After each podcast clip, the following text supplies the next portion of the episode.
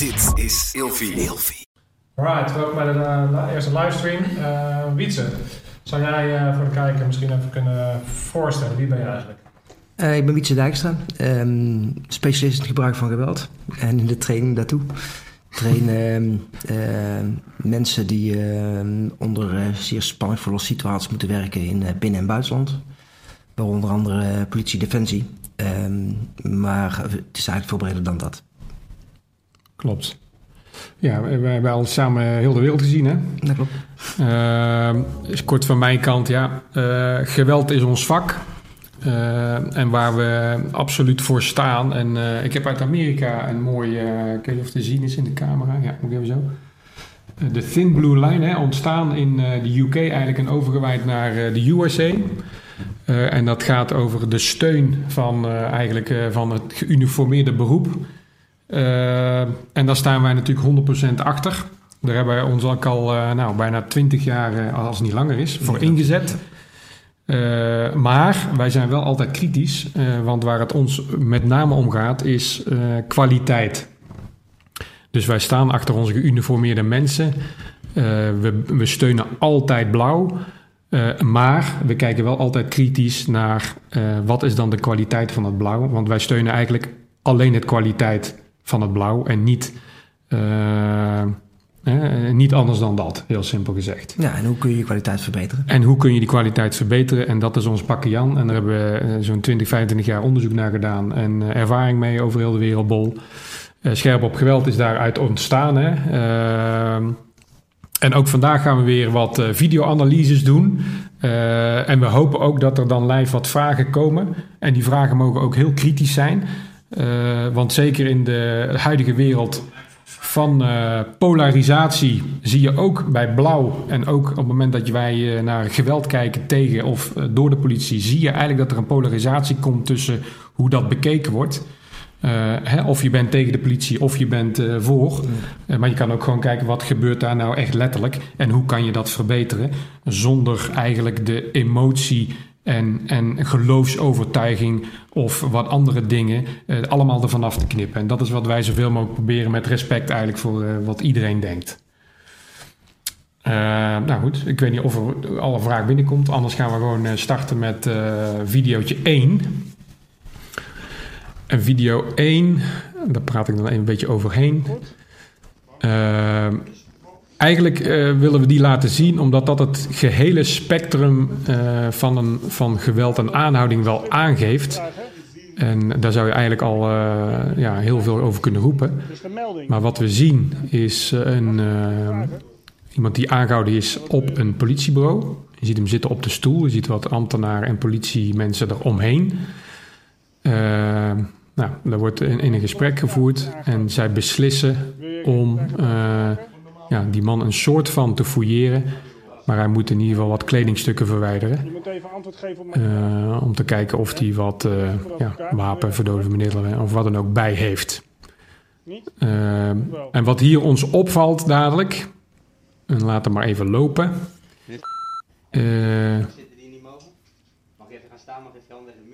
Hij wordt nu aangesproken door één agent. En zet hem hier maar even stil.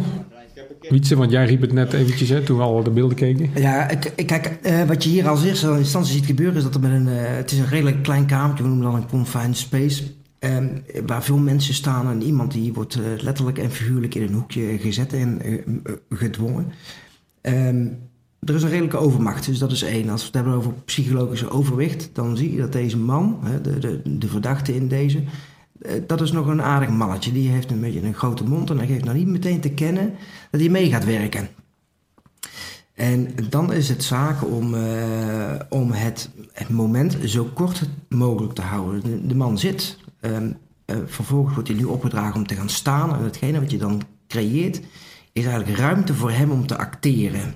Ja, Zowel fysiek als mentaal. En dat is eigenlijk precies hetgene wat je in deze, als ik dat zo mag zeggen, niet wil. Want nee. deze politieman kan eigenlijk zijn werk prima doen, terwijl deze man op die stoel blijft zitten.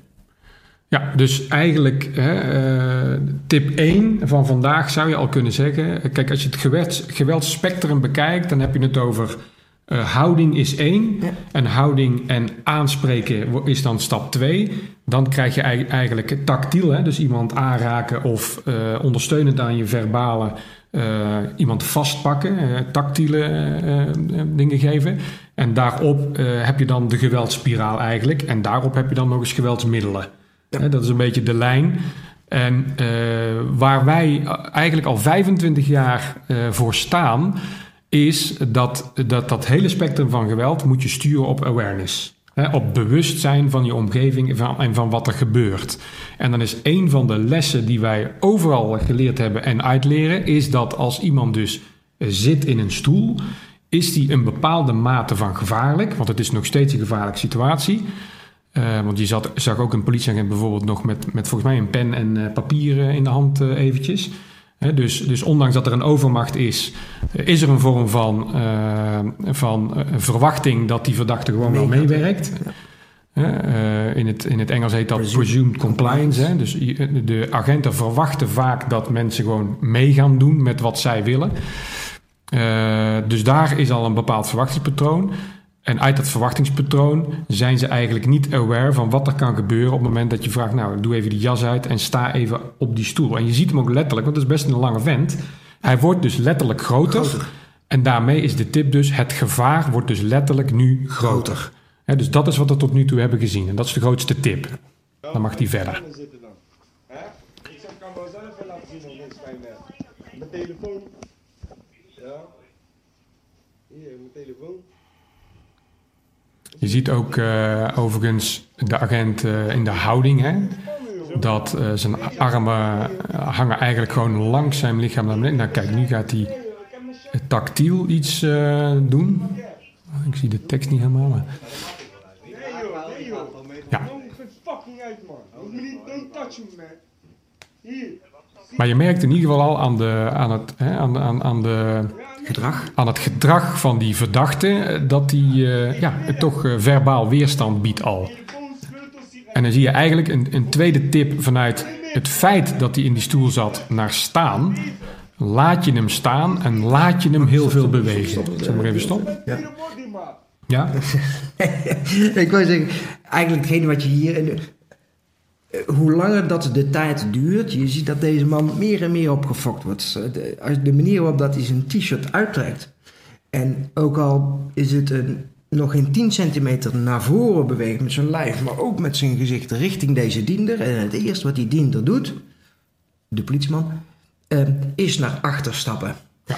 En wat is daarmee hetgene wat jij in het hoofd creëert van deze, noem maar even zeggen, verdachte? ja. Wie is hier in, aan de winnende psychologische hand? De actor eigenlijk, hè? Ja, en, en dat is precies hetgene wat we in deze situatie niet willen. Nee. Dus zowel mentaal als fysiek in een situatie als deze voorwaarts handelen. We noemen dit gedrag wat deze man eh, eh, laat zien, peacocking, net als een pauw die zijn veren laat zien van kom erop hoe groot ik ben. Dat maakt deze persoon in zijn eigen hoofd sterker. Ja. En in geweld in het algemeen, en dat zien we daar in de andere video's ook nog wel terug, wat er, waar een leermoment zit voor eh, dienders, is dat je dat eh, straatgevechten bijvoorbeeld, hè, dus eh, gewoon niet-politionele gevechten, ontstaan vrijwel altijd uit emotie en ego. Dus dat ego, hè, die, dat peacock-gedrag, dat power-gedrag, dat is een, een aanstichter van geweld. Eh, en dat is heel dierlijk, zeg maar. En wat je, wat je, de, de tip is natuurlijk om als geuniformeerde daar dan juist niet in mee te gaan. Want anders ben je bezig met een straatgevecht en heb je toevallig een, eh, een pak aan.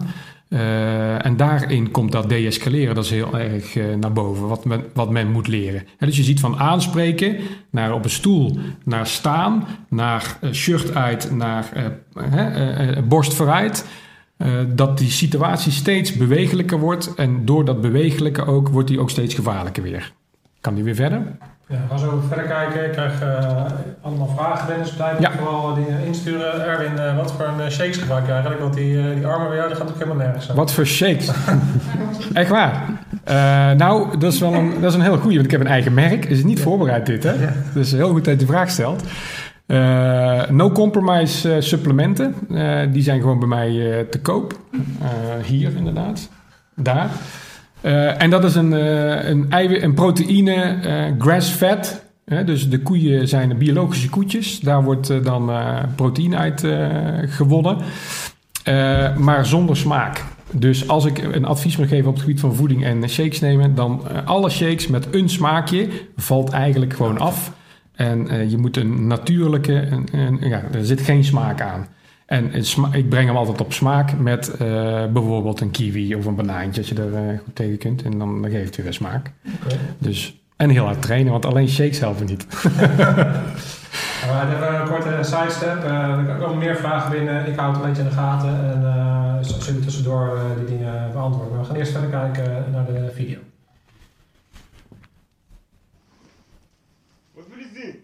Normaal iemand Ja, normaal joh. Eigenlijk in dit geheel ook hè, zie je ook eh, het feit dat eh, de verdachte zelfstandig kan bepalen waar hij naartoe beweegt, hoe die beweegt. Je zou, dat, je zou dat vanuit die stoel gewoon onder begeleiding moeten doen. En wat is dan die veilige afstand? Hè, want ehm, dit is eigenlijk wat je noemt, in, jij zei het eigenlijk, een kleine ruimte, maar dit is eigenlijk een, een wij noemen dat de dead zone.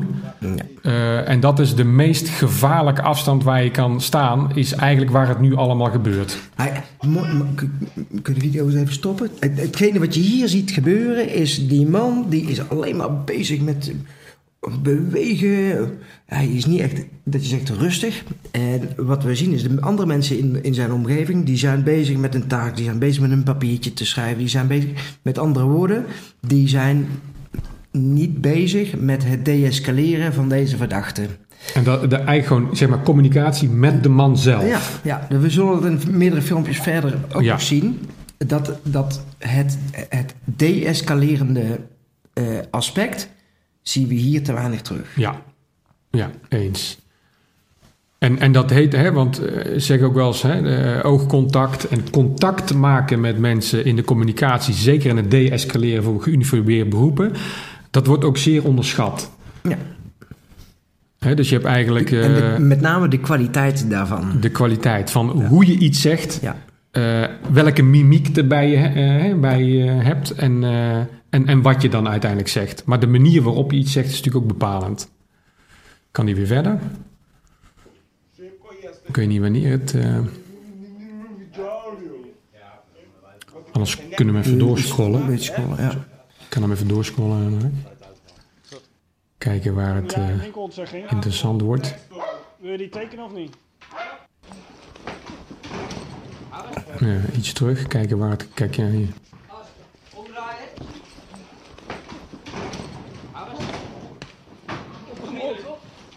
Zet maar heel even stil.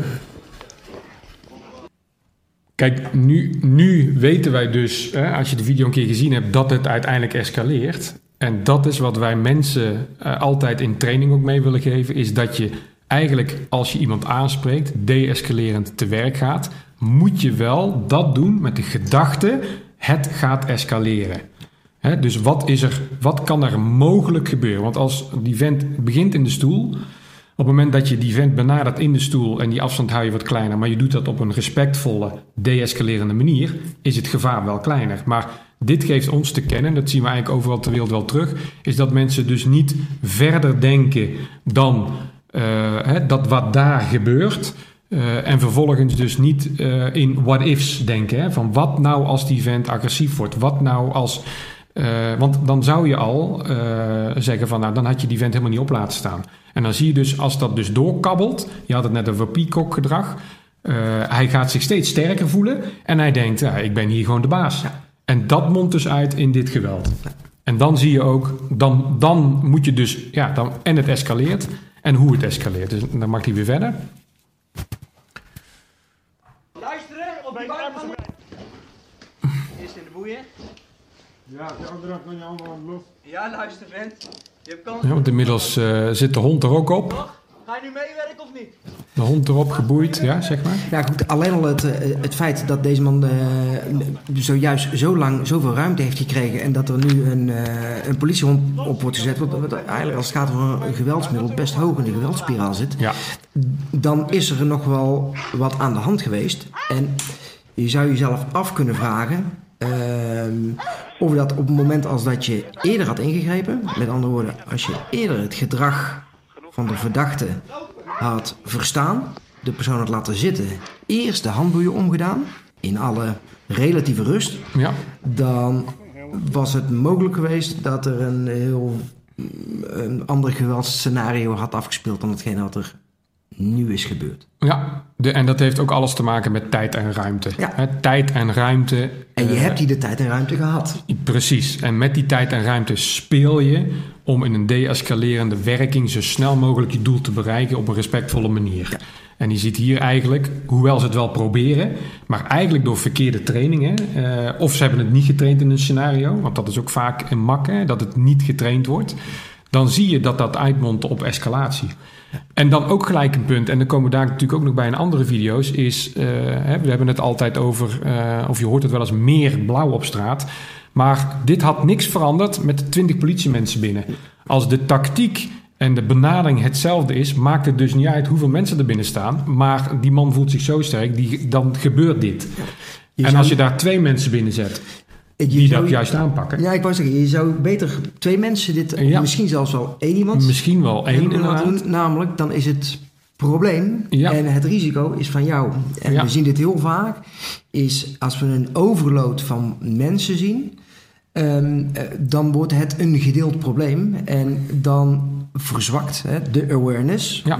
Want eh, de gedeelte awareness, daar heeft iedereen slechts een deeltje van. En dat is natuurlijk niet zo. Precies. Want als het gebeurt, is het 100% van jou. Ja. Oké, eh, ja, ik breek heel even kort in. Ik heb, eh, lees de comments mee. Eh, Ik heb, dit is ook voor de eerste keer dat we op deze manier live gaan. Ik hoor dat, er, dat de audio een beetje galmt. Dat klopt. Ehm, ik ben aan het verhuizen naar een nieuwe studio. Ehm, maar daarin zat een, zit een fabriek ernaast, dus ik moet alles isoleren. Heren zijn wel. Ja, ja de heren zijn, hebben iets Ah, betere audio. Ik heb, eh, ik heb een left mic en die is iets minder, minder goed. Dus vandaar is mijn audio ook wat minder goed. Gewoon even kort eh, eh, toelichten. En voor de rest hebben we hier inderdaad wel een beetje een gal door het buiten in de kelder zitten. Maar ja, dat, eh, dat, is, dat is dan maar zo.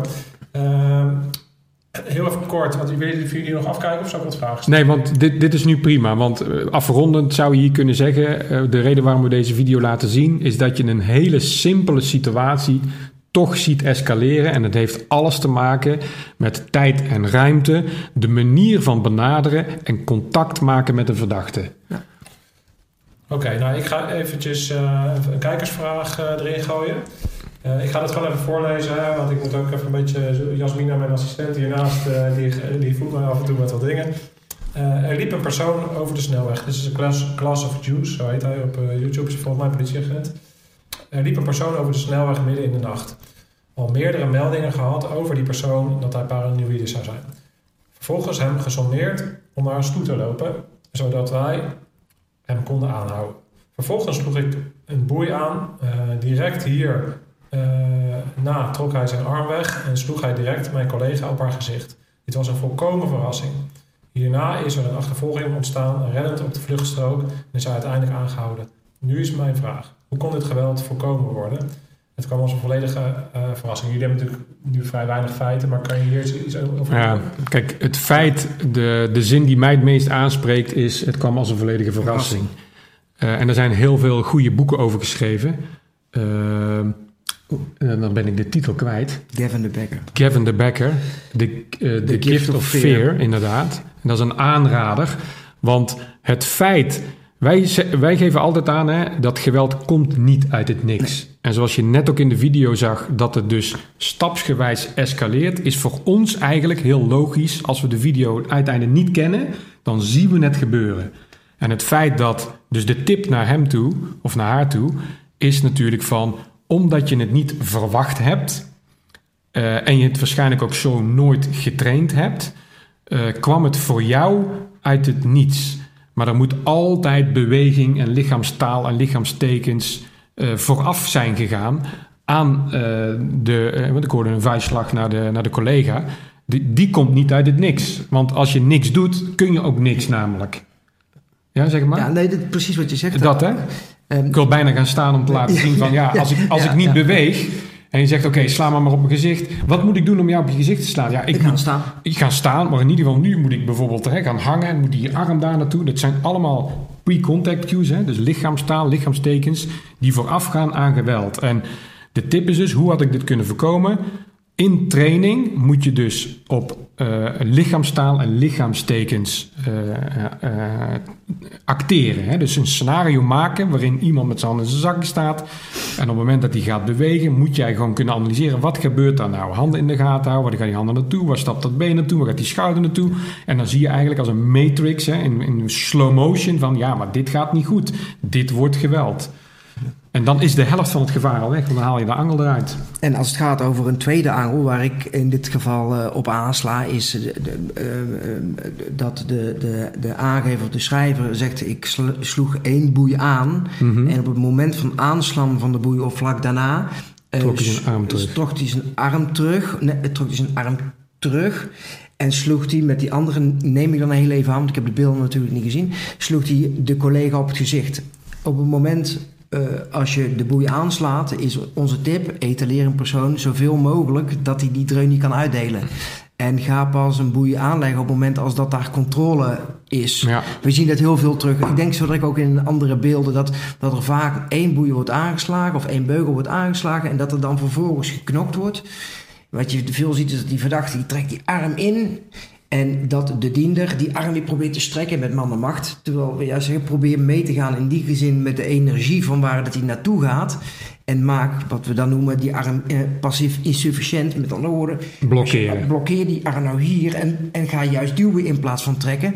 En dan heb je ook meer tijd, hè? Veel meer tijd en veel meer ruimte. Alleen op het moment dat je dat niet weet, ehm, ja, dan, eh, dan zul je dat moeten gaan leren. Ja. Nou, een van onze eh, stokpaardjes is natuurlijk ook dat wij vinden en wij bewezen hebben eigenlijk in onze doctrines, is dat eh, zeg maar het politioneel vechten, politioneel geweld is gewoon een tactiek. Dat is gewoon een format van stappen doornemen. Wat dit hè, wetenschappelijk onderbouwd van dit is wat er gebeurt fysiek, dit is wat er gebeurt mentaal. En daar kun je dus op voorbereiden in die awareness. En dan is het gewoon afvinken van wat je wel of niet, kan doen. En te veel in training wordt er eigenlijk eh, eh, in een scenario eh, gedacht van ja, maar wat er nu gebeurt, er zou van alles Dus kunnen kunnen gebeuren. gebeuren. En dat is niet waar. Hè? Dus als je, als je het gaat ontleden, dan gebeurt er in al die scenario's elke keer hetzelfde. hetzelfde. Als een, bijna een algoritme waar je een blauwdruk op kan leggen van oké, en dan gaan we dus zo mee om. En op het moment als dat je in, dat, in die blauwdrukken, zeg maar, alle wat we noemen pre-contact cues, eh, op tijd kunt lezen, op tijd kunt zien, kun je veel sneller ingrijpen, waardoor je minder geweld nodig hebt dan vaak nu het geval is. Precies, dus nooit vanuit een sportidee trainen hè, tegenover elkaar en boksen en eh, kickboksen en eh, judoën of whatever. Maar altijd in een scenario waarin een rollenspel weggezet wordt in pre-contact cues. Alright, eh, tof, dankjewel voor deze toelichting. We blijven alle vragen natuurlijk eh moderaten. Er komen wel heel veel dingen binnen. Eh, maar er komen ook vragen binnen over Malieveld uiteraard. Ja. Dat hadden we ook wel een beetje verwacht. Dus ik heb een video klaarstaan over het eh, politiegeweld met, eh, over Malieveld. En, en mensen zijn natuurlijk uiteraard eh, benieuwd naar, naar jullie mening eh, Ja. over, over dit eh, verhaal. Dus En, en, en wat is dan de concrete vraag? Want dat vind ik wel interessant. nou ja, meer algemeen eh, of het buitensporig geweld eh, is Ja. geweest. Ja. ja. Ja, we hadden hem voorbereid inderdaad. En eh, je kan hem. eh, dit is, dit is de, de beelden die we allemaal kennen, denk ik. En je kan nog, nog een keer even iets terugscrollen, denk ik. In de aanloop, op de 350 seconden volgens mij. Ja, Dan wordt er iemand helemaal in elkaar getrapt. Ja, zet het, zet het beeld maar even voor inderdaad, waarin, die, eh, waarin je die man op de grond... eh, kijk, ja, dat beeld, ja. Ja, dit. Kijk, dit is het wel, wel bekende beeld. Ik heb het, ik heb, we hebben het er ook in de auto nog over gehad, hè. Want ik wist ook dat dit zou komen en ik wilde dit ook eh, aanstippen. En daarom ook mijn statement in het begin van... wij staan absoluut achter blauw, maar we staan wel achter de kwaliteit, Kwaliteit. van blauw... En dat je daar dus ook accountable voor bent. Nou, inmiddels train ik ook individueel, eh, zowel fysiek als mentaal, heel veel politiemensen. Ehm, en, daar, en, en daar heb ik het natuurlijk ook over gehad, over deze situatie. En als ik daar, als ik daar zo naar kijken, zonder achtergrond of wat dan ook. En je ziet dit beeld met eh, vier, vijf mensen eromheen. Man die zich eh, verdedigt en dan met de lat erop en, en de hond En erin. Ja, dan is dit echt buitensporig geweld. Dat kan ik niet anders zeggen dan, eh, dan, dan dat. Ja, en dan kijken we, maar dan kijken we sec naar het geweld. Dan kijken we sec naar het geweld. En je kunt niet alleen maar sec naar het geweld kijken. Op het moment als dat je de totale context eromheen eh, niet ziet of onvoldoende ziet. Nee. En, en dat is natuurlijk vaak met beelden zoals dit, is dat heel erg lastig in te... Maar ja, ik vind overigens deze beelden wel echt wel eh, tekenend. Dat is zeker zo, Want van hetgeen wat er gebeurt. Ja, want ik vind het wel een mate van onkunde op dit moment hè, van de mensen die daar omheen staan. Ja. Van eh, dit is bijna emotie, emotioneel gefrustreerd geweld, eh, wat eigenlijk eh, bij een politieman natuurlijk op een veel later moment misschien wel verklaarbaar in een noodweer excess situatie te verklaren is, maar niet in deze situatie.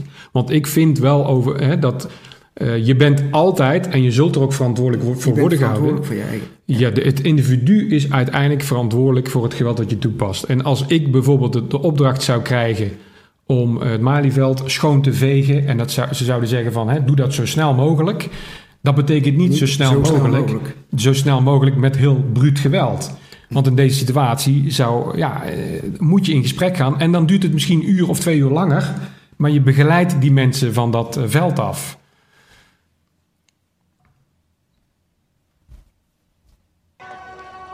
Kijk, een ME wordt natuurlijk ingezet in charge en die gaan dan voorwaarts en die gaan dan voorwaarts schoonvegend een plein schoonvegen. Wat in eh, een situatie qua voetbal en alles best wel eh, te verklaren valt. Maar dit, dit beeld eh, kan ik niet eh, Nee. tactisch verklaren. Nee, nee. Eh, Er is geen tactische verklaring voor. Helemaal op het moment als dat je... En nu zie je eigenlijk veel meer van de situatie. Hè. Die, eh, de, er, wordt een, er wordt een charge uitgevoerd, er komen paarden aan. En vervolgens blijft deze man liggen. Eh, en en ehm, die wordt met een paar man aangepakt. Dit is wel tekenend, hè? want je zag net eh, de eh, agent erachter, zag je even de rug of de schouder vastpakken van de, van de agent die aan het slaan was. En dan zie je dat, eh, wat ik net al zei, dat het, dat het op dat moment emotie wordt en frustratie wordt. Dus het slaan waar iemand anders hem even uit die bubbel moet halen van joh, zo is het genoeg. Ja. Ja, en dat heeft ook met training en professionaliteit te maken. Want dit, dit vind ik te ver gaan. Oké, ja, wat... eh, oh, mijn eh, camera houdt even mee op. Ehm, dus praten jullie even door dan. Ja, Nou, we hebben, eh, even kijken, de volgende video eventjes laten zien, denk ik. Hè? Als er geen vragen zijn over Malieveld meer. Ja, er zijn eh, nog meer vragen natuurlijk eh, binnengekomen. Mijn uh, camera draait er. Nee, wat... ehm, eh, ehm, wat zei je? Oh, ja, ik ga even een reactie geven op jullie eh, analyse. Gelukkig eh, dat deze mannen eh, wel eh, kunnen zien dat dit buitensporig is. Dit is helaas een van de zoveel situaties. Ook vrouwen totaal ongevaarlijk worden en waanzinnig hard aangepakt. Eh, hoe kan het dat zulke mensen eh, bij de ME zitten? Ja, dat vind ik altijd een beetje een term, zulke mensen. Ik denk niet dat we in moeten gaan. Wij, wij willen natuurlijk heel erg gefocust blijven op eh, het eh, tactisch inzetten van geweld van politieagenten en daarnaar kijken en daarvan leren. Dat is jullie expertise. Ja. Want ik denk namelijk dat hier zoveel dingen achter schuil gaan. eh, waar je ook te maken gaat krijgen met wat voor opdracht is er gegeven, eh, wat voor opbouw is er geweest binnen deze hele bijzondere situatie in Nederland van het Mhm. afgelopen jaar. Ja, Waarin er natuurlijk op een gegeven moment iedereen in zijn eigen beeldvorming zitten. Dat hebben wij allemaal. Eh, Mhm. en, eh, je, hebt, je, hebt, je hebt de wappies, je hebt de snappies. Je hebt, iedereen zit in zijn eigen wereld bijna. En dat gebeurt bij de politie natuurlijk op een bepaalde zin ook. Hè. Dus die krijgen op een gegeven moment al, al een weekend worden ze ingezet. ja. Eh, ze worden vanuit eh, verschillende eenheden continu, eh, zelfs op een zondag, worden ze ingezet op, eh, op het Malieveld. En daar bouwen natuurlijk dingen op. Hè. Eh, Ja. wat, wat, heeft, wat, wat veel breder gaat dan alleen maar eh, het normale Vandaar dat ik, maar het is, vandaar, het is wel typisch, dat, vandaar dat ik het ook zei, is dat dit gewoon emotie en frustratie is als mens. Ja. Hè, dit, dit, dit heeft niks te maken, eh, tenminste zo zie ik het, is dat, eh, dat deze agent, koste wat het kost, precies weet wat hij nu aan het doen is. omdat hij een doel wil bereiken en omdat hij een opdracht heeft gehad. Dit is gewoon frustratie, emotie. Hè? En, eh, maar, maar kijk, wij kijken altijd heel sec naar de beelden. En wij kijken nooit naar de agent zelf. Dus die beoordelen we ook niet zozeer. Hè, van ja, dit is een, eh, een, een, lul of dit is een goede vent of whatever. Dat doen we niet. Maar wat we wel zeggen van... Hoe, hoe kun je dit nou voorkomen dan? En dat is gewoon door die mensen gewoon veel beter op te leiden. Het is gewoon training wat, wat daar in de sleutel eh, kan zijn. Ja, hier, hier- hier zou je nog wel bij kunnen zeggen dat, dat de, de tactiek laat. Maar dan gaan we er redelijk ver of diep op in. eh, te wensen over. Het is namelijk op het moment dat je een charge uitvoert op deze manier. niet de bedoeling dat je met drie man. Nee. eigenlijk vanuit je linie. eh, bezig blijft met, met eh, één, eh, in dit geval, eh, eh, Nee. protestant. Nee, ja, we hebben, ehm, ja, hebben we hier verder nog iets over te zeggen? Want ik denk Nee. dat, dat je bijna een hele uitzending zou Ja. kunnen wijden aan deze situatie. Dat Ja. wil ik eigenlijk helemaal niet. eh, omdat, ja, het is heel bijzonder wat er gebeurt. En dan moet je eigenlijk de bredere context meenemen van alles wat er Ja. gebeurd is rondom eh, de coronamaatregelen en de opbouw naar... En de specifieke situaties ook verder gaan dan dat. Hè. En dat willen we eigenlijk in deze uitzending niet doen. Dus we kijken puur naar het geweld. En de vraag was, is dat buitensporig wat er is gebeurd... eh, eh, in deze situatie en vanuit deze beelden die we hebben gezien hebben, kunnen we concluderen van ja, dit Ja. is buitensporig geweld Ja, geweest. absoluut. Ja. Oké, dan gaan we doorkijken naar de volgende. Dit is eh, een situatie in eh, eh, Utrecht die uit de hand loopt. Daar komt hij aan.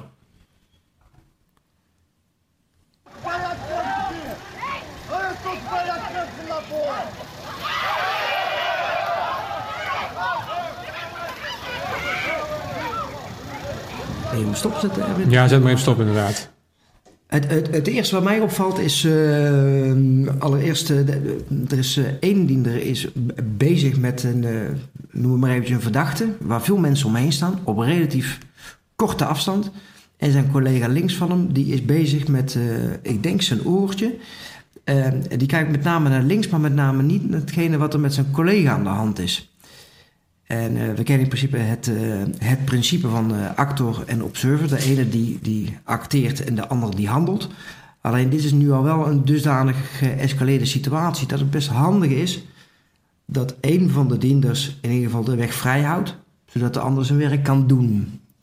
En dat is hier niet het, dat is hier niet het geval. En een tweede is dat er redelijk snel gegrepen wordt naar het geweldsmiddel de kortwapenstok. Ehm, en wat dan leuk daarvan te zien is, wat het resultaat daarvan is. Ja, misschien kun je nog even eh, inderdaad vanaf het begin la- nog laten zien. Hè, met eh, de commentaar van Wietse erbij nu. Kunnen ze dat nog een keer zien? Is dit? Dus je de, ziet... persoon die, Ja, de persoon op links, die wil als eerst een dreun uitdelen met die wapen, die heeft hij vast. En vervolgens is hij te druk bezig met zijn oortje en nu schakelt hij terug naar zijn collega. Dus als we het hebben over prioriteiten, focus, eh, dan is daar een- dan is daar een, een mismatch. En dan zie je dat daar een chaos gecreëerd wordt. ja, dan wil ik hem toch weer terug hebben naar het begin, Mark, als het kan. En dan gewoon in het begin even weer stilzetten als je die twee in beeld hebt. Daar ja. Ja, dit beeld, hè. Dit beeld. Kijk, eh, laten we vooropstellen, eh, en dat is ook even belangrijk, hè. We, we blijven kritisch natuurlijk, maar eh, je moet gewoon luisteren naar de politie, hè, in principe. Ja, ja, goed, de- dat staat al. Hè, daar staat al los van. Eh, nu kun je dus zien, is dat, wat Wietse net zegt, actor is degene die al bezig is met het uitvoeren van. En de andere is observator, die staat daarachter, maar die is bezig met communicatiemiddelen en kijkt eigenlijk niet naar de situatie. Die draait dadelijk ook zijn hoofd weg. En eigenlijk is het nu dus zaak, als je in deze situatie eh, gaat trainen, want dit moet je dus trainen. Je begint één op één. Vervolgens ga je naar omstanders erbij die niks doen, maar wel vreselijk in de weg lopen, bij wijze van. En dan is dit een, een situatie die je dus letterlijk kan kopiëren naar je trainingsuurtjes toe. Naar oké, dus niet met mijn communicatiemiddelen bezig zijn nu. Niet met mijn andere middelen, wapenstok bezig zijn, maar ik stap nu vooruit voorbij mijn collega en scherm daar op gewoon een normale manier scherm ik die mensen af. Want dan gaat het weer, hè, net als in video 1, het gaat om, de, er is geen contact tussen dat publiek en, en dan die observator in dit geval. Dus er kan ook geen communicatie zijn omdat er geen contact is. Dus stap daar voorbij, scherm de boel af en daar kun je deescaleren. En nu gaat hij heel snel escaleren door zijn wapenstok te gebruiken. En dat zien we nu. En dan kijkt hij om, dus nu is hij het helemaal kwijt. En dan wordt die andere geduwd en dan gaat hij slaan. En ik kun je hem even stilzetten. En dat is ook. eh, de- we hebben een videootje ook, maar dat is meer, dat is meer beleid. Eh, maar een grote tip van ons is ook altijd nooit Naar de- middelen denken. Dus nooit middelgestuurd zijn eigenlijk. Je, je, we trainen de mens kaal, fysiek, dat is één, fysiek-mentaal. En vervolgens trainen we in wat kan ik met mijn fysiek-mentaal, met mijn handen en mijn, en mijn benen en voeten doen in een deescalerende werking. En vervolgens hang je daar eigenlijk middelen aan vast. Net als een, ja, hè, net, net als een, een, een, een eh, ja, eh, in een ander beroep waar je eerst met je handen gaat werken en vervolgens daar een hamer bij pakt of een schroevendraaier en steeds meer materiaal kan gebruiken. Eh, want je ziet ook het effect inderdaad van de wapenstok wordt, wordt vreselijk overschat eigenlijk. Hè? Ja, ik heb heel even een korte vraag tussendoor om deze over middelen Ja. gaat. Dus ik denk dat is een interessante vraag om even eh, doorheen te stellen.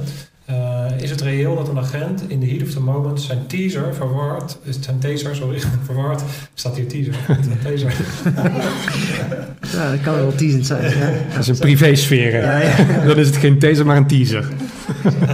Of die zijn eh, taser verward met een vuurwapen. Dit is natuurlijk onlangs gebeurd. in een- Ja, die hebben we ook klaarstaan, die, eh, Ja. die video. Ja. Maar, maar om daar al op in te gaan, dat kan niet. Want als je, als je, als je daar gaat zeggen, ja, Het zou dat niet kan. Het zou niet moeten kunnen. Nee, Nee. dus, dus dat, dat kan niet. Nee. Dat kan niet. Maar het gebeurt wel. Maar het- Ja. ja. dus het gebeurt wel. Eh, deze vrouw heeft ook ontslag genomen, hè, volgens mij. Is, Ja.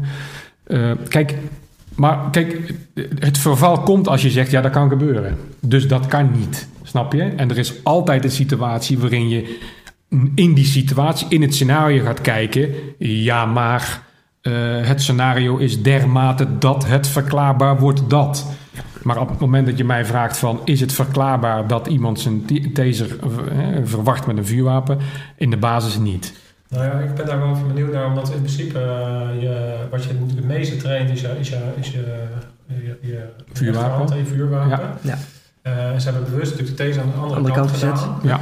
Ehm, dus hoe, Nou, je geeft zelf het antwoord eigenlijk al. om het eventjes te verklaren, hoe kan Ja. het dan toch dat het gebeurt? Heb je daar een verklaring de, de, hetgene wat daar gebeurt is, is natuurlijk, eh, is, het is in Amerika, dus dat is één. Dus het gebruik van het vuurwapen, eh, wet en regelgeving, maar ook gewoon het praktisch gebruik van het vuurwapen is daar heel anders dan hier.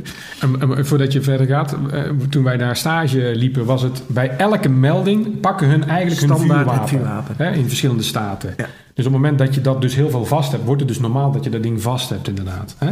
Kijk, en ehm, als we het hebben over een stressvolle situatie, een spanningvolle situatie, hetgene wat er bij iemand in zijn hoofd gebeurt, ehm, eh, in een relatief of een hele korte tijd, eh, kan, er, kan daar heel veel gebeuren. Het kan echt wel zo zijn ehm, dat iemand voor zichzelf het idee, het gevoel heeft.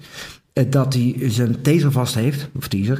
En maar dat dat vuurwapen is eigenlijk van iets wat men vanuit origine dan wel vanuit een automatisme, wat in dit, dit geval dodelijk is, wat in andere gevallen ook dodelijk kan zijn, eh, dat men in het hoofd heeft, eh, ik gebruik mijn taser, terwijl dat, dat het vuurwapen is. Ze zegt het ook, hè? En ze zegt het ook, taste, taste, taste. Ehm, en dan komen we, Erwin uh, blijft erop hameren, dat is echt wel een vorm van trainen. En in dit geval heb ik het niet al over het fysiek gebruik maken van het vuurwapen, dan wel van de taser, maar over hoe om te gaan in uh, decision making under pressure. In scenario's, in spanningsvolle situaties. Um, als jij van jezelf weet dat je bepaalde dingen en vaardigheden, en mentaal dan wel fysiek, meer of minder beheerst, maak daar voorafgaand dan keuzes uh, uh, naar, zodat op het moment als dat, jij, dat de stond daadwerkelijk aan de knikker is, dat zulke soort dingen uh, niet dan wel of tenminste tot een minimum gereduceerd wordt. Ja, het, het, is, het is natuurlijk vaak zo van, uh, als je naar een situatie kijkt, uh, creëer jezelf de situatie waarin het uiteindelijk fout gaat lopen en die fout dan verklaarbaar wordt. Ja. Terwijl je aan de voorkant allerlei dingen kunt doen. En eigenlijk staat dit best wel in relatie tot deze video met die wapenstok. Hè? Is dat, dat wij vinden in het algemeen dat, dat mensen veel te veel uh, bezig zijn met die, belt. Met die koppel, ja. Hè, want er is natuurlijk ook een, uh, de korpschef die roept van... we willen zo snel mogelijk die taser invoeren. Eh, want dat maakt eh, het geweld tegen de politie allemaal minder. Nou, wij voorspellen, en dat hebben we toen ook voorspeld met eh, de pepperspray die naar de wapenstok kwam, is dat dat gaat het niet oplossen. En die taser gaat het ook niet oplossen, want meer middelen. Hicks Law, je gaat, als, je, als je vijf keuzes kan maken, duurt het langer om een keuze te maken dan als je er maar één hebt. En daar moet je dus op trainen. Hè? Dus handen en voeten deescaleren, communicatie, fysiek, mentaal sterk zijn. En vervolgens daar eh, een paar middelen aan vasthangen die jij als eh, vakman kan gebruiken. Zoals een timmerman, alles kan met een hamer en een schroevendraaier. Moeten zij alles met een wapen kunnen. Nou, Oké, maar gaan we door naar de... We waren natuurlijk bezig met het Ja. organiseren van de, de video. Dan gaan we nu eventjes eh, naar, naar verder kijken. Ja. En eh, ik kreeg ook nog een vraag inderdaad binnen over, eh, over de toekomst met de, met de taser. eh, hoe jullie naar kijken. Maar Ja, precies. deze dan ook eh, eh, beantwoord. Alright, we gaan verder naar de, naar de scenario's. Ja. Dus, eh, oké.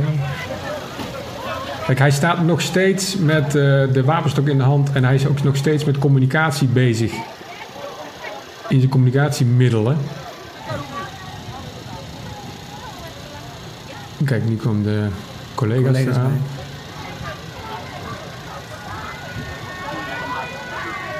bij.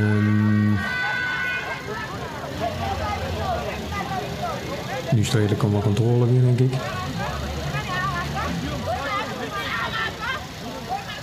Wat, je, wat, je, ja. wat je hier ziet, eh, wat je, wat je hier eh, ziet gebeuren is, eh Erwin zegt, de, de- het is redelijk onder controle. De- er is, eh, zeg maar, in het eh, eh, emotioneel is hier best veel gebeurd. Hè? Je, je bent eerst met twee man te- tegenover een groepje, er wordt geschreeuwd, er wordt eh, geduwd, een beetje getrokken. Op zich, geweldstechnisch valt het allemaal nog wel mee. Hè? Ehm, alleen hier is het een beetje de truc. Als je puur even het beeld stil ziet, dan is, er, dan is er eigenlijk niet zo heel veel meer aan de hand. En hetgene wat je ziet, is dat omdat er zoveel in dat hoofd heeft gespeeld en in dat lijf heeft gespeeld, die twee dames in dit geval, die moeten be- begeleid worden, die moeten weg uit die situatie, ehm, dat, dat, dat dat op een dusdanige manier wordt gedaan, eh, waarvan je kunt vragen, je af kunt vragen van, hey, is dit nou Maakt dit, de- verslechtert dit de situatie? Nou, de vraag is, is die aan het deescaleren? Is hij aan het deescaleren te ja of te nee? En dan zie je dat die dames in dit geval, hij geeft ze een duw en dan vervolgens ook, een- ook nog een tik. Hè? Ehm, dat je de vraag kunt stellen van, hey, goed, is dit daadwerkelijk nodig? Of maak je twee grote passen naar voren, die wapenstok opgeborgen en eh, eh, begeleid je met je armen, hè? alsof dat je eh, iemand als het ware Ja. wegstuurt, letterlijk en figuurlijk. Ehm, doe het op die manier terwijl dat je blijft praten. En, en, en dat wordt toch hier op een redelijk hardhandige wijze gedaan. Vanuit de situatie is het begrijpelijk. Alleen als het gaat over training en wat is verstandiger.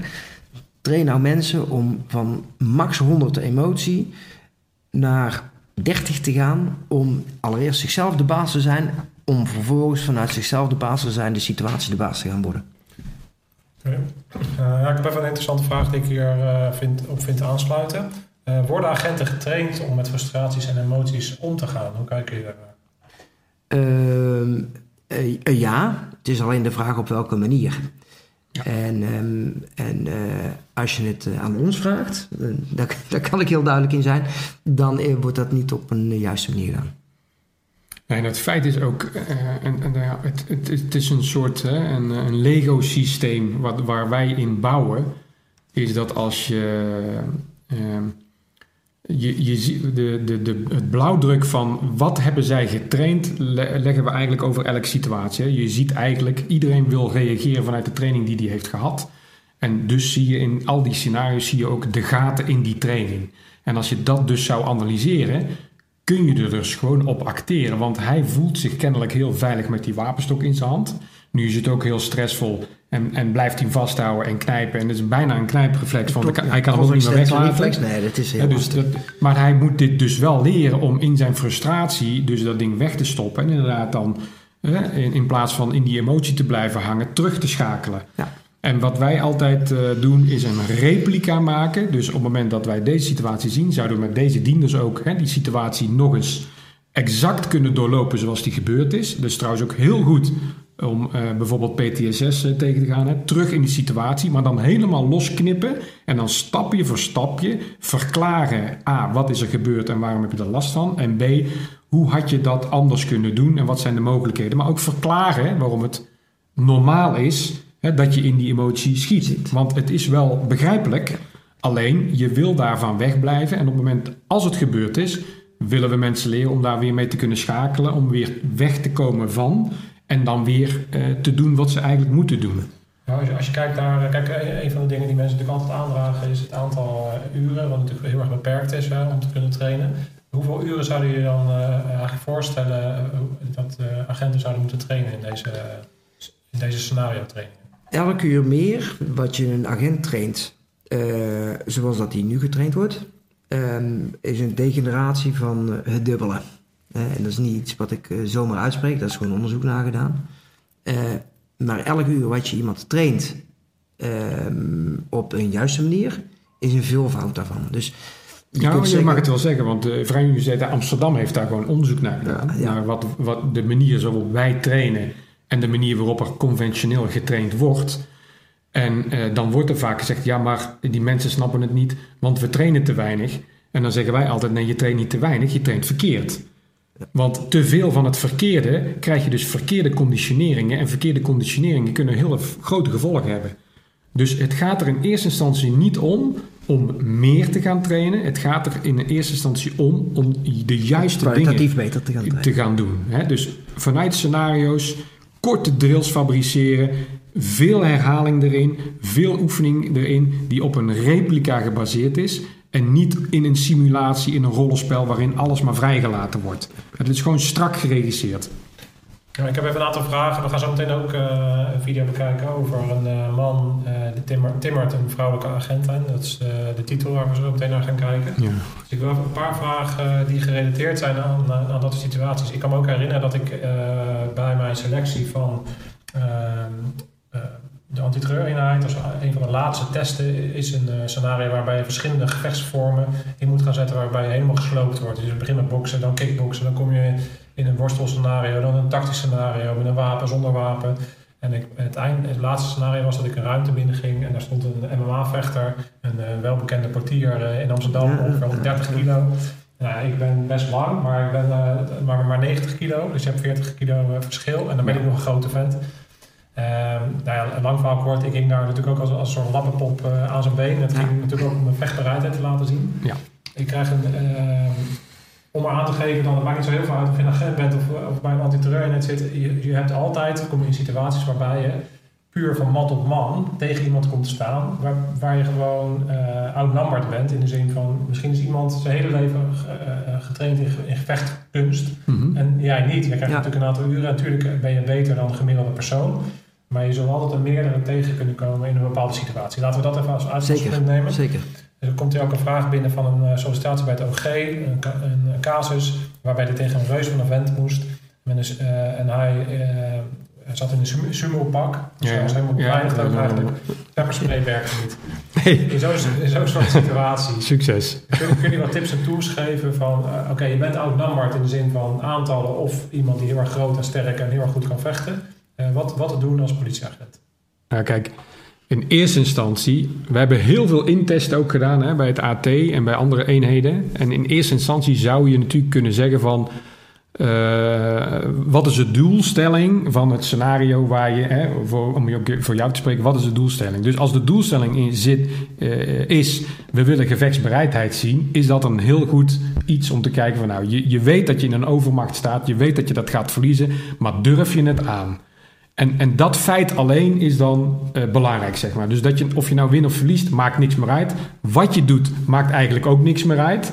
Maar je klimt er gewoon op. Hè? De tip is dan wel, MMA vechten, ga niet MMA vechten met een MMA vechter. Ga niet kickboksen met een kickbokser. Dat zou ook Dan bijt, je hem zijn. dan bijt je hem zijn oor af, Ja. bij wijze van. Dus op het moment dat je dan ja, in, in, in zo'n beschermend pak is het natuurlijk allemaal moeilijk. Maar dan, Geef hem een duwtje, valt hij vanzelf om, staat hij niet meer op. bij wijze Ja. van. Als wel, hè? Maar, nee, maar serieus is Ga niet mee in zijn gevecht. Als jij een kampioen dammer bent en jij eh, dan nodigt mij uit voor een, eh, voor een wedstrijdje, dan zeg ik, eh, dan gaan we schaken. Namelijk, dan staan we weer enigszins gelijk. Ehm, ga niet mee in het gevecht van die persoon. Eh, laat je daar. En nu heb ik het puur even over het feitelijke, het, het daadwerkelijke gevecht. Ehm, maar als we het hebben over het verbale gevecht, hoeveel, hoe vaak dat er mensen aan het schreeuwen zijn eh, richting de diender. En, eh, en, en dat de, de politieman, de professional het gebruik van geweld, mee gaat schreeuwen, sterker nog overschreeuwen. Dat is een escalatie van. Op het moment als dat je zegt van hé, hey, er staat iemand tegenover me waarvan ik zeker weet dat als ik ga boksen, dat ik dat niet ga winnen. En ik moet winnen. En als ik zeg ik moet winnen, dan is er één ding wat ik doe, is voorwaarts bewegen, voorwaarts acteren, voorwaarts denken. En misschien wel de snoeiharde eh, trappen en ballen.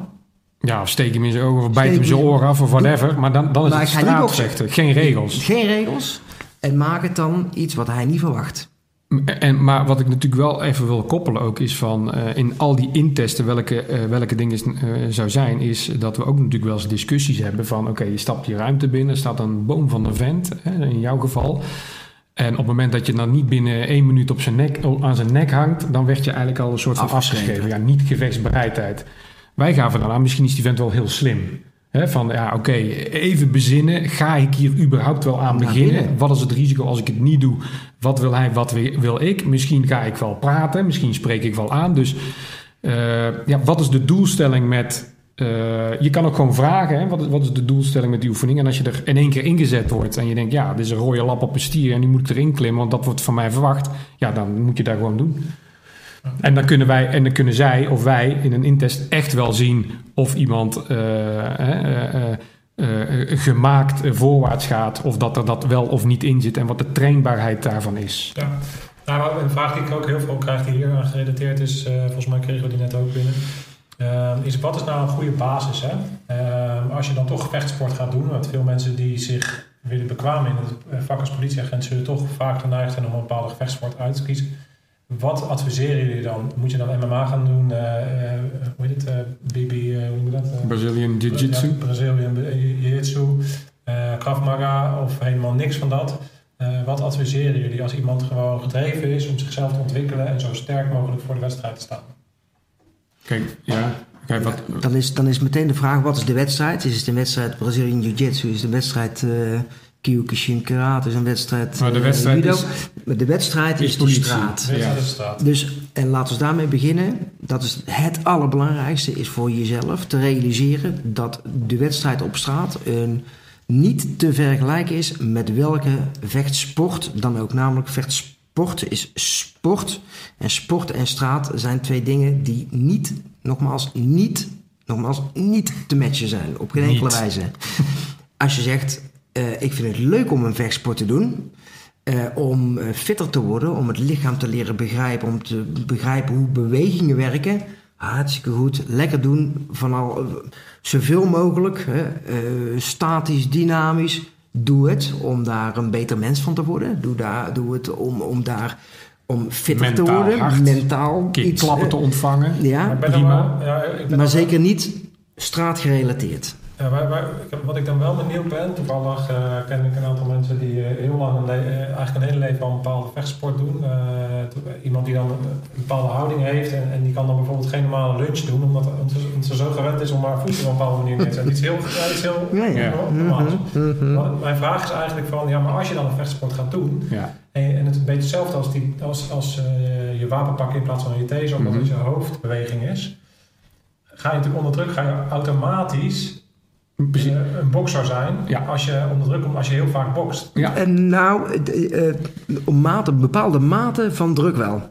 Ja. Alleen de mate van druk en de omgaan met die spanning en de omgaan met die stress, er komt een kantelpunt dat het niet meer uitmaakt doordat je Mike Tyson bent. Of dat je, sterker nog, we hebben daar ook, ik ben die bokser vergeten, die op een gegeven moment zo, die, die buiten die ring eh, ruzie maakt. Dat hij zijn bokserschoenen uit wil slaan. Ja, dat dat hij, is gewoon Dus- op beeld inderdaad. Ehm, eh, dus er komt een moment dat je ook als professionele bokser, eh, vechter, Gaat dat je gewoon ordinair gaat straatvechten. Het is alleen het level van stress, want dat is het over het algemeen, of eigenlijk spanning, in de breedste zin van het woord, bij de ene ligt dat wat hoger dan bij de ander. Ehm, Ja, om, ja, om er ook even op in te gaan. Ik, eh, kijk, wij hebben ook allebei... eh, Ik heb eh, bijna 30 jaar gejudo'd en gekickboxd ook. En dat is wel je achtergrond, zeg maar. Eh, maar als je zegt van nou, hè, waar zou je dan voor kiezen? Is dat je zegt van nou, wat fietsen zei, straat, sport is een compleet andere, andere wereld. Dus als je dat kunt scheiden, dan kun je eh, alle sporten doen die je wil doen. Ik ben het Ja. eh, deels ook met eh, Mark eens dat je zegt van ja, maar je gaat toch de dingen doen waarin je getraind bent. Dus als je dat niet kunt scheiden, is het soms misschien wel beter. En zeker als politieman, van ja, ja, ik voel me niet veilig, dus ik ga op een vechtsport. Nee, dat betekent dat je scenario training en je politietraining niet goed is. Dus je zou eigenlijk veel meer kunnen zeggen, ja, maar als, ik, als dat mijn wedstrijd is, dan moet ik dat dus trainen. En al het andere moet ik daar echt van afknippen, want anders ga ik het ook nog doen. Snap je? Dus je krijgt je conditioneringen die niet passend zijn bij wat jij eh, op straat wil doen. En we hebben voorbeelden van eh Braziliaans Ja, jiu-jitsu ja, mensen ja. die met een mes eh, op de grond en die zijn altijd gewend om zeg maar dat mes terug te geven op het moment dat ze een disarm hebben gedaan en dat hij dat dus een, in een echte situatie ook gaat doen. En we hebben ook mensen met een, op een schietbaan bijvoorbeeld die een revolver leeg schieten en dan een trommel openklappen en dat in een bakje altijd leegkloppen, anders moeten ze die patronen gaan zoeken of die hulzen. En die dus achter een auto zitten schieten en dan schiet ze een revolver leeg en die klapt die trommel open en die is dus op zoek naar dat kistje. Dus zo diepgaand conditioneringen. Als ik, dan, als ik dan toch een tip mag geven, vind ik, en niet omdat ik zelf uit die wereld kom, maar elke ver- zelfverdedigingssport waar je je voeten aan de grond houdt, zoveel exact mogelijk, hetzelfde. Blijf op je voeten. dat is dan voor mij, eh, hè, want als jij gaat kickboksen en je gaat te pas en te onpas maar met je benen werken, dan sta je op één been op straat. En, dat is, en die timing en, en, en is zo moeilijk en is ook zo gevaarlijk dat je zegt, nou, blijf met beide benen op de grond staan. Eh, dus een vechtsport die daarbij aansluit, zou dan het best passend zijn. Ja. Ja, wat ik eh, nog één laatste vraag, wat ik toch wel een interessant onderwerp vind, is eh, als je je dan toch zou willen ontwikkelen, dan, gaat mijn hoofd meteen draaien. Dan gaan mensen, politieagenten gaan dan allemaal een soort van vechtsport doen. hè. Ja, doen. Maar eigenlijk zou er dan toch een soort van een spel voor moeten komen waarin je dus wel traint om een goede politieagent te zijn. Hè, ik moet een beetje denken aan Tim Kennedy die eh, in Amerika. Die, Ja. geven jullie ook eigenlijk Ja. zouden jullie natuurlijk trainingen moeten Ja. geven waarin je dus niet een vechtsport gaat oefenen, maar waarop je gericht bezig gaat. Ja. Politionele scenario's. Ja, maar dat is wat wij Dat doen. Daarom zeggen we ook geen sport, maar wat wij doen. Dus wij, wij brengen. Want je ziet dus de mismatch tussen training en, en, en wat, er in het, eh, wat zij moeten leveren. Zij gaan dus op zoek naar wat werkt dan wel en waar kom je dan uit op vechtsport. Want dat is het, dat is het initiële idee. Hè, Als ik in een vechtsport goed ben, ben ik goed op straat. Nee, dat is niet waar. Sterker nog, eh, hè, want, want als je een straatvechter tegen een, een, een eh, middelmatig of een goede bokser eh, zet. Iemand die echt, hè, gewoon, gewoon een jongen van de straat, die, die weet wat het is om, om, om ja, hè, knop om en, emotioneel geweld, geen regels. Ja, die bijt je strot eraf. Daar sta je dan met, met je bokserschoenen, bij wijze van. Maar inderdaad, dat is ons eh, work of field. En dat is gewoon politioneel die mensen in drills, in rollenspel, wat ook heel leuk rollenspel, wat dus een hele leuke trainingsvorm kan zijn. Dat doen wij dan geen sparren, maar het blijft altijd rollenspel. Maar wel heel dynamisch, mensen leren vechten. Ja, ja dus, eh, nou ja. Bellen. Ja, bellen kunnen ze jou ergens bereiken dan? Of- Ze kunnen we overal bereiken. Dan bellen ze jou toch ook? Ja, ja, maar het is misschien... Scherpschutters. Ja, scherpschutters. Of eh van Zeker. Beek. Ja, overal te vinden. LinkedIn, Ja. PM. DM. Nee, we, gaan, eh, we zijn alweer bijna een eh, uur, uur bezig. Ehm, er komen nog wat vragen binnen. Ik denk niet dat ik alles kan behandelen. Oh, mijn camera er even mee op. Ik denk niet dat ik alles kan behandelen. We gaan even nog één eh, scenario eh, bekijken. Dus dit gaat over een man, eh timmert een vrouwelijke agent in elkaar. Dit is volgens mij niet in, in Nederland. Twee vragen binnen.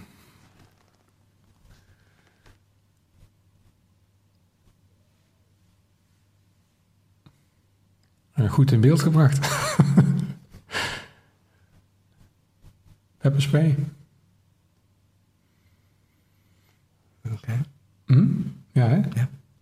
Ja, zet maar, als je hem even stilzet.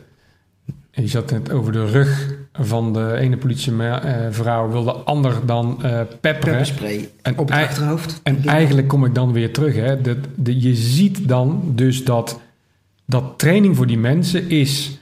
eh, een verdachte werkt niet mee. Je waarschuwt, hij werkt niet mee. Dan is het een geweldsmiddel bijna. Dan is het of wapenstok of pepperspray. En dan ga je dus kosten wat het kost... willen dat dat geweldsmiddel werkt. Terwijl ook hier weer handen vrij... en het daadwerkelijk assisteren van je collega... in het fixeren en blokkeren van het gevaar... Dus gewoon een, een pakketje maken van, van het gevaar... eh, zou hier stap 1 zijn. Ja, en, en eigenlijk voor eh, degene die dat... eh, dit is de eerste keer overigens dat ik de- deze beelden zie, dus ik moet ook eventjes... en ik heb mijn bril niet op, ik moet even zo kijken. Het eerste wat ik dan zie is een, een dame, een, vrou- een vrouwelijke politieagent... die bij iemand, denk ik, om zijn nek dan wel om zijn bovenlijf hangt. En een, een, een andere collega, waarschijnlijk die de beelden maakt... over het hoofd, of tussen beide, Ja. pepperspray spuit richting de verdachte dan lijkt het, als je het mij vraagt, eh, met name op het achterhoofd, dan is er als eerste instantie de vraag: wat wil je van die verdachte? Die wil, daarvan wil je dat hij ophoudt met lastig zijn. Eens. Hoe doe je dat? Door iemand aan, te spreken. Dat zal eh, al een beetje te laat zijn. Blijven praten natuurlijk wel, maar we gaan hier een stapje verder. Dat is iemand willen fixeren, zodat hij niet meer gewelddadig kan zijn. Hoe doe je dat? Eén is met het bovenlijf bezig in dit geval. Als je ervoor zorgt dat je zelf op, de, op je voeten blijft staan en ervoor zorgt dat de ander niet meer op zijn voeten staat, dan heb je al een nieuw hoofdstuk gewonnen.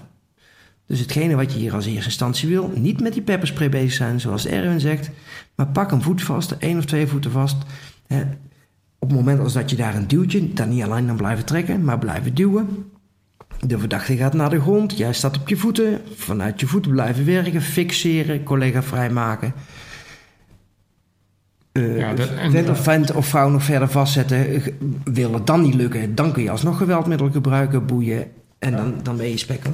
Ik denk ook dat er natuurlijk een bepaald moment komt. eh, dat je kan nu naar zo'n video kijken. Ja. Maar eigenlijk ben je hier al te laat. Dus eigenlijk als je deze situatie zou willen analyseren, dan zou je natuurlijk weer naar de pre-cues moeten gaan. Ja, Eh, ja, ja. De opmerking die vaak wordt Ja. gemaakt is het geweld komt nooit uit het niets. Nee, en ook deze situatie, om hier echt iets zinnigs over... Dit is op, op een gegeven Ja. moment ben je natuurlijk ook gewoon aan het overleven. Als je eenmaal Ja. achter staat en, en je vecht dan tegen een vent die te sterk is... en je bent met twee vrouwen, ik noem maar wat, hè. Ja. In zo'n situatie, ja... Op een gegeven moment ben je natuurlijk... Maar de ook- tip daar is dus altijd immobiliseren. Vol, Dus- volg een stappenplan. En er is immobiliseren Ja. belangrijker dan het gebruik van het geweldsmiddel in dit geval. Ja, dus, dus eigenlijk gewoon het eh, co- compressie op wat er ook gebeurt. Zorgen dat, hè, dat iemand zijn handen niet meer kan gebruiken. Duwen, duwen, duwen. En vervolgens vanuit het duwen wegkomen uit de emotie. En eigenlijk je, je, je tactiek weer oppakken. Oh, wacht, ik had net het eh, geluid had niet aanstaan bij de andere. Nou, maar niet. Ehm ja, we gaan heel even kijken naar eh, wat vragen nog. Ja. En dan daarna nog één casus doen en dan gaan we een beetje richting het einde. Ja. Ik denk, eh, ja, dit is allemaal voor ons ook een beetje een, eh, gewoon in diep gesprongen. We gaan gewoon draaien. We, we moeten even dingen uitvogelen en wat werkt en wat niet werkt. En, eh, daar maakt ook helemaal niks uit, toch? Ehm, even hier. eh, eh, ja, hoe kijk je aan naar de Floyd, eh, naar de Floyd, George Floyd eh, zaak? Situatie. Ja. Eh. Kijk, eh, ook naar die situatie kijken natuurlijk eh sec het geweld, hè? Eh, wat, er, eh, wat er gebruikt is. En dan heb je alle emotie en redenen die daar omheen geplakt en geknipt zitten. Die, je die eigenlijk naar onze mening gewoon eh, af moet eh, knippen. Ehm, persoonlijk, en dan kan iets, eh, of je het wel of niet mee eens bent, of een, misschien iets een nuance kan leggen, is dat, dat ik vind dat in die situatie ook de, toch ook wel de onkunde van de politie weer naar boven kwam in die laatste fase, dat je dan zeven minuten lang op een nek gaat zitten. En dan kan, ga ik weer terug naar, er is geen contact met die verdachte. Hij was wel onder eh, amfetamine ook eh, invloed, hè. Eh, want er is uit autopsie ook wel naar boven gekomen, volgens mij, dat dat eigenlijk de, de, de druk op de nek niet de doodsoorzaak is geweest, maar dat die eh, door het gebruik van verdovende middelen uiteindelijk en alle ellende eromheen, een samenspel, daar aan gestorven is. Eh, als ik dan kijk naar het, naar het geweld, dan, eh, dan, dan zie ik wel dat dat anders had gekund. En dat, die, eh, dat, je dan, hè, dat je niet zeven minuten op een nek gaat zitten, laat ik dan zo zeggen. Maar goed, als je op zijn rug had gezeten, misschien ook doodgaan. Maar dat er compressie moet zijn, eh, want het was natuurlijk geen lieve jongen.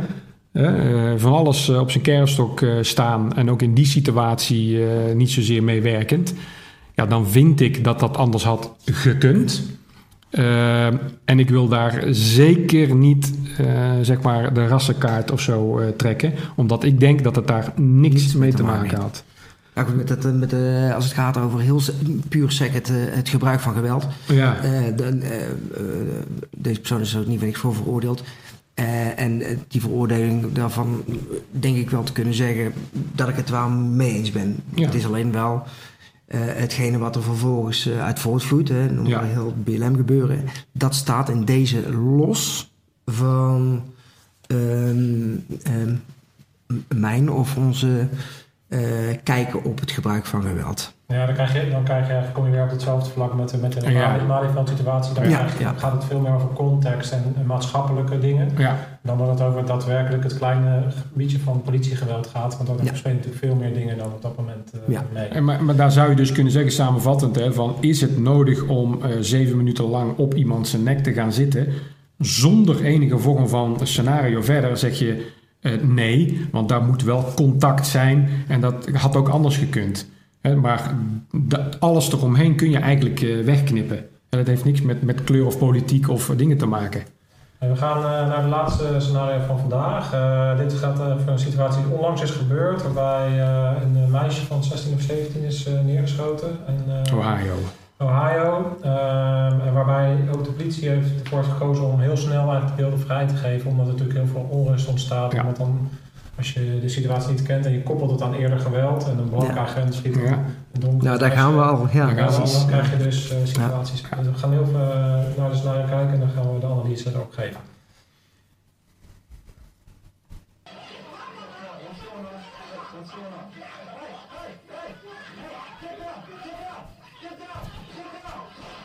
Ja, het gaat heel ja ik, snel. ik wou zeggen, hier eh, het, Maar- het eerste waarvan, dat je, waarvan ik denk als mensen deze beelden nog nooit gezien hebben, ik, ik heb ze vandaag ook pas voor het eerst gezien, moet ik eerlijk zeggen, is ehm, eh, stel je voor dat jij degene bent die deze beelden maakt en die, in, die onder deze omstandigheden moet werken. Er gebeurt eigenlijk heel veel. Er staan mensen, er vallen mensen, er, er wordt geschreeuwd, er wordt... En jij moet in een, in een split second een, een beslissing maken. In dit geval beslissing over eh, eh, leven en dood. Daar is waarschijnlijk niet over nagedacht, want er is de tijd te kort voor. Ehm, en vervolgens, zonder dit gezien te hebben, zonder je daarin verplaatst te hebben, wordt, eh, wordt, eh, hebben mensen vaak de neiging om hier al iets van te vinden. Ik denk als je, het, als je het één keer ziet, dat je ook niet ziet wat er Wat er gebeurt. dus je moet het echt een paar keer zien en je moet het ook later vertraagd zien om echt te zien wat er gebeurt. En inderdaad, ik ben het 100% met je eens. Mensen zien iets en in dat iets schieten ze in een emotie met een reactie. Ja. Nou, dus eventjes, zo meteen gaan we nog een keer kijken. Het gaat met name om eh, wat er hier links gebeurt. Je ziet hier die vrouw in het roze pak en, eh, en die vrouw ernaast Ja. gebeurt iets eh, waar je eventjes scherp op moet letten als je dit nog nooit hebt gezien. Dan komt hij nog een keer. Misschien kan je hem daar stilzetten op dat moment, waarin je het mes ook ziet. Dus dan draait de camera. Daar ja.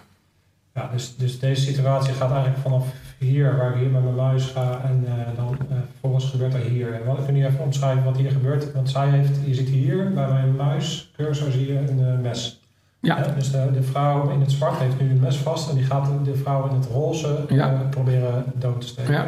ja. En dan gebeurt er dit. Wordt hij hier, oh, wordt hij stilgezet. Oké. Ja, later zie je dat die agent dan vier keer schiet. En dus de aanvaller doodschiet. En dat is wat er, wat er gebeurt. En wat jij zegt, Mark, ik denk dat dat tekent tekenend is. Hè? Jij, jij geeft aan, eh, je ziet hier dat eh, deze verdachte eh, het slachtoffer wil doodsteken. Hè? Dat is wat jij zei. Ja. Ja, en, maar zo zie ik, zo moet je er dus ook in zitten. Want het, is een behoorlijk mes, hè, want het mes is echt wel te zien op de camera, zo, ondanks dat de beelden niet helder zijn. En hij gaat ook gewoon richting die hals, hè, richting hoofd-hals. Eh, dus ik, ik denk, om gewoon eh, heel duidelijk, is dat de politieagent eh, in dit geval gewoon goed heeft gehandeld. En dat hij denkt, ja, ik moet hier iemands leven beschermen. En dat is, dat is het slachtoffer die dreigt een mes in zijn nek te krijgen. En heb ik hier tijd en ruimte om bijvoorbeeld een taser te gebruiken of whatever, dan zou je kunnen zeggen, ja, in, in een goede film gebeurt dat dan wel. Hè? Of, of, of ga je er nog naartoe en disarm je iemand met een mes, maar zo makkelijk is dat niet. En eh, dus ik denk dat hij hier geen andere keuze had dan, dan dit te doen. Kijk nog één keer naar, uh, ziet, volgens mij krijgen we hier dan uh, ziet Slow-mo. uitgebreider. Ja. Dus ik zal even nog een keer... eh, Information was that a caller said females were the Ja, dit is vertraagd inderdaad. Kijk, er is al wat hectiek omheen, hè? Kijk, het enige wat je zou kunnen zeggen is... als er awareness is op de omgeving en zicht is op eh, eh, eh, de agressor nu bijvoorbeeld... en je kan die contact cues oppikken... dan had je nu wat kunnen doen. Maar ja, de, omdat daar iemand valt en er lopen mensen omheen... dat heeft hij dus kennelijk niet gezien. En dat is hem ook niet eh, aan te rekenen. Nee. Dat is de bodycam, dan draait hij. getrokken. Ja,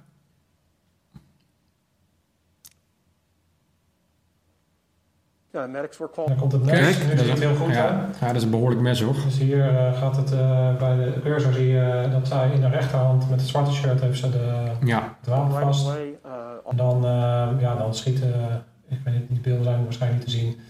een andere, andere link wel. Maar dat maakt niet uit, hij schiet dan vier keer inderdaad. Ja, Kijk, en een politieman hoeft niet met gevaar voor eigen leven continu iets te proberen. Dus die is er to protect and to serve. En in dit geval moet hij dus... Het is een noodweersituatie waarin hij andermans leven met name hier beschermt. En eh, omdat het een, een, een, een noodweer betekent een directe aanval op het leven in dit geval. Ja, dan denk ik, ja, ik... eh, Ja, kijk, de, eh, dit zijn zaken die worden vaak in de, in, de, in de media een beetje opgeklopt. Dat je zegt van ja, god, er is een, er is een, eh, een meisje van 16 is doodgeschoten door een politieman. Ja, in dit geval zie ik niet het verschil tussen een meisje van 16 en iemand van 25. Eh, in een situatie als dit is het reageren in een split second. maar ook gender niet, hè? Het is gewoon een Nee, persoon maakt die agressief maakt- is en het- iemand met het- leven bedreigt. en Bedreigt, aanvalt. laat voorop staan, eh, het, is, eh, het is niet normaal, denk ik, om iemand neer te steken. Dus als jij dat besluit neemt om dat te doen, eh, dan snap ik Ja, van zo'n politieman dat hij gewoon zijn werk doet. En als je het aan mij vraagt, dan doet hij dat in dit geval eh, naar behoren. dat denk ik ook. ja. En daar moeten we ook vanaf, hè? Dus eh, van inderdaad wat jij zegt van ja, als jij dus beslissing neemt om iets te doen, nou ja, die, eh, dan, moet je ook, eh, dan moet je ook de consequenties Daarvan. daarvoor nemen. Ja. Tot in het extreme toe. Er komen ook nog wat vragen binnen die eigenlijk van mensen volgens mij die later eh, intunen. Eh, bijvoorbeeld ook inderdaad van ja, immobiliseren is eh, leuk, maar wat als je een vent van twee meter met een neus vol met kook tegenover je krijgt? Dat, dat hebben we eigenlijk al een beetje besproken. Dus mocht je dat nog niet gezien hebben, kijk vooral. Nou, simpel is, ik heb ook wel zo'nzelfde vraag gehad en die vroeg van ja nou, en toen liep ik het café binnen en toen stonden in één keer zes mensen om me heen. Toen lag ik op het biljart en met zes mensen om me heen en, en dan, en dan, en dan. Ik zeg ja, misschien had je het café niet binnen moeten gaan. Dus dit soort dingen zijn altijd wat als. Hè? Iemand helemaal doorgesnoven eh, voelt geen pijnprikkels meer. Hè? Er, zijn, er zijn ook eh, binnen het AT voorbeelden dat ze zes, zeven, acht keer moeten schieten en dat een vent gewoon doorkomt. Hè? Die stopt gewoon niet met handelen. Eh, ja, wat doe je dan? Je kan alleen maar doen wat je moet doen. Dus in, dit, in, dat, in dat geval van het AT blijven schieten tot die vent niet meer handelt. En in het geval van, van, van deze vraag heb je een keuze om te volharden in het immobiliseren met meer mensen en eh, eh, eventueel geweldsmiddelen. Of het abort mission en afstand creëren. En daarin, eh, als er geen eh, gevaar is voor omstanders, om daarin gewoon die situatie te laten. Zoals ze ook wel eens met volgen zeggen, of met voertuigen. Van, soms is het beter om een voertuig te laten rijden en heimelijk te volgen of later op te pikken. In plaats van met gevolg van, van openbare orde en alles eromheen die vent te volgen en kosten wat het kost stil te zetten bijvoorbeeld. Hè? Dat zie je vaak in de woonwijk of zo. Als iemand Ik, wou zeggen, je zou, overtreding bij- maakt. je zou bijna kunnen vergelijken met Malieveld. Eh, Ja. Het gaat over, oké, wat is in dit geval een tactische keuze? Weet ik, ga ik, moet ik deze vent, moet ik, dat is de vraag, moet ik deze vent nu aanhouden? Als het antwoord ja is, ja, wat, wat, als het moet, dan moet het. Ja, dan volhard je dus in de actie. Het is hetzelfde als dat je de vraag kunt stellen, moet het Malieveld nu, moet het nu leeg? Ja. Of zeg je van nou goed, we laten het vredig uitsussen. En we volgen het Malieveld vredig uitsussen. En we laten deze man, we volgen deze man. En we pakken hem op een tactische wijze, op een andere manier. En dat we er even over na kunnen denken hoe dat we dat gaan doen. Maar als je in het gevecht zit, Zit. Dan is het de enige manier is volharden en, en daarop blijven als daar gevaar voor omstanders eh, is. Of om, eh, als het risico van loslaten en weg groter is dan het erop blijven, dan moet je er dus op blijven. En dan is er geen andere keus. En daar heb je dus dan ook voor getekend. Hè? En ik, ik, ik, ik quote altijd de, de, een scène uit The Departed, die film. Dat vind ik een geweldige film. Leonardo DiCaprio die dan naar een psycholoog moet om te praten over geweld. En dan zegt een psycholoog van, eh, ja, want dan komen sommige mensen voor me zitten en hebben ze hun wapen gebruikt en dan hebben ze daar toch last van. En dan zegt hij, didn't they fucking sign up to use a gun? Maar dat is wel een beetje perspectief. Hè? Ben je bereid om geweld toe te passen in alle redelijkheid, hè, de-escalerend, in de juiste eh, geweldspiraal? Maar als het gebeurt, zo ook hier in Ohio, ja, dan gebeurt het en doe je dus gewoon je werk. Alright, we gaan eh, zo eh, een beetje richting de, de afsluiting. Ik, ehm, nou ja, dit was eh, de eerste livestream van Scherp op Geweld. Een beetje gekunsteld omdat we snel even een studio moesten, moesten bouwen. En af en toe zal het vast helemaal niet goed gegaan zijn. Ehm, maar ik denk dat het heel waardevol is om op deze manier gewoon alsof we op een vrijdagmiddag lekker hier zitten en wat video's bekijken en wat dingetjes bespreken. Dus hier gewoon een leuke setup. Als straks mijn studio eh, bij RPTC in Barendrecht ben ik bezig om mijn studio helemaal te isoleren. Supergoed geluid. Eh, dan kunnen we ja, betere eh, opnames gaan maken en kunnen we dit concept naar een volgend niveau tillen. Bedankt voor het kijken naar alle vragen die er in- ingezonden hebben. Ik wil graag afsluiten met één laatste vraag. En dat is, hebben jullie tips voor een beginnende diener? Zorg ervoor dat je je omringt met de juiste mensen. En zorg ervoor dat je altijd blijft zoeken naar kwaliteit. En eh, blijf altijd kritisch. Naar iedereen en naar alles. Want er is niks zo makkelijk om, zeker als jonge diener, mee te gaan in het juk. Mee te gaan in de orde van de dag. Mee te gaan in de eh, heersende sfeer op, eh, op een bureau of op een korps of wat dan ook. Blijf eh, daarbij altijd gezonde vragen stellen. Dat is eigenlijk de, de meest brede tip, maar ook de meest lastige tip die ik je kan geven. Ik sluit me daar helemaal bij aan. En dan met name ook hè, wat je zei in die eerste tip van omring je met de juiste mensen, de juiste training. Je, je, je wordt letterlijk je omgeving. Dus als je omgeeft met goede dienders, dan word je een goede, Goede diender. Ja, die de juiste ervaring hebben, die perspectief hebben, die kritisch zijn, die durven vragen. Die, eh, en op het moment dat je in, in een slecht nest komt, eh, dan, dan dwaal je zelf ook af. Er is geen ontkomen aan. Hè, hoe goed je ook bent, je gaat uiteindelijk doen wat je omgeving ook eh, van je vraagt. En wat je, dat, dat wordt je, je wordt je omgeving. Dus Mooie tips. Ja, de laatste toevoeging die, ik zou kunnen hebben is als je, het is vandaag ook al een keertje benoemd, dat is dat eh, als je politieagent of militair wordt, dat je op een gegeven moment een bepaalde opdracht krijgt en dan komt er een punt waarop je gewoon voorwaarts moet. Dus je moet bereid zijn van tevoren eh, om, ja, wij noemen dat dan soms samenvattend rammen met je kadaver, maar je moet gewoon die instelling hebben van oké, als ik ga, dan motherfucking, dan ga ik voorwaarts en dan, dan is het voor mij. En die instelling, die moet je in jezelf hebben. Want op het moment dat het aangaat, dan gaat het om leven en dood. En dan moet je kunnen schakelen. En dat is de politieagent met dat, met de, op het moment dat, dat die Ja. gaat. Ja. Ja. En, dat, en die vrouw valt aan, dan bam, dan ga je gewoon voor goud. En die instelling die moet je bij jezelf herkennen en kunnen inzetten. Eh, dus dat is eh, een laatste toevoeging van mij. Eh, ik wil de heren weer eh, enorm eh, bedanken. Jij bedankt. Voor, You too, eh, ja. ja, voor jullie mooie wijze lessen en analyses. Ik hoop dat jullie er allemaal wat aan hebben. Ehm, eh, ja, stel vooral nog alle vragen. Wij lezen alle chats na en dan nemen we dat ook allemaal nog de volgende keer. eh, Ja, dat gaan we zeker volgende keer behandelen. Wietse, dankjewel. Dank jou, dank jullie wel. Erwin, Rammer. bedankt. Eh, kijkers allemaal, hartelijk bedankt en eh, tot de volgende keer. Dit was een scherpschutters uit. Uit. Ga ik hem nu op uh, zwart zetten, denk ik zo, ja. Geluid uit.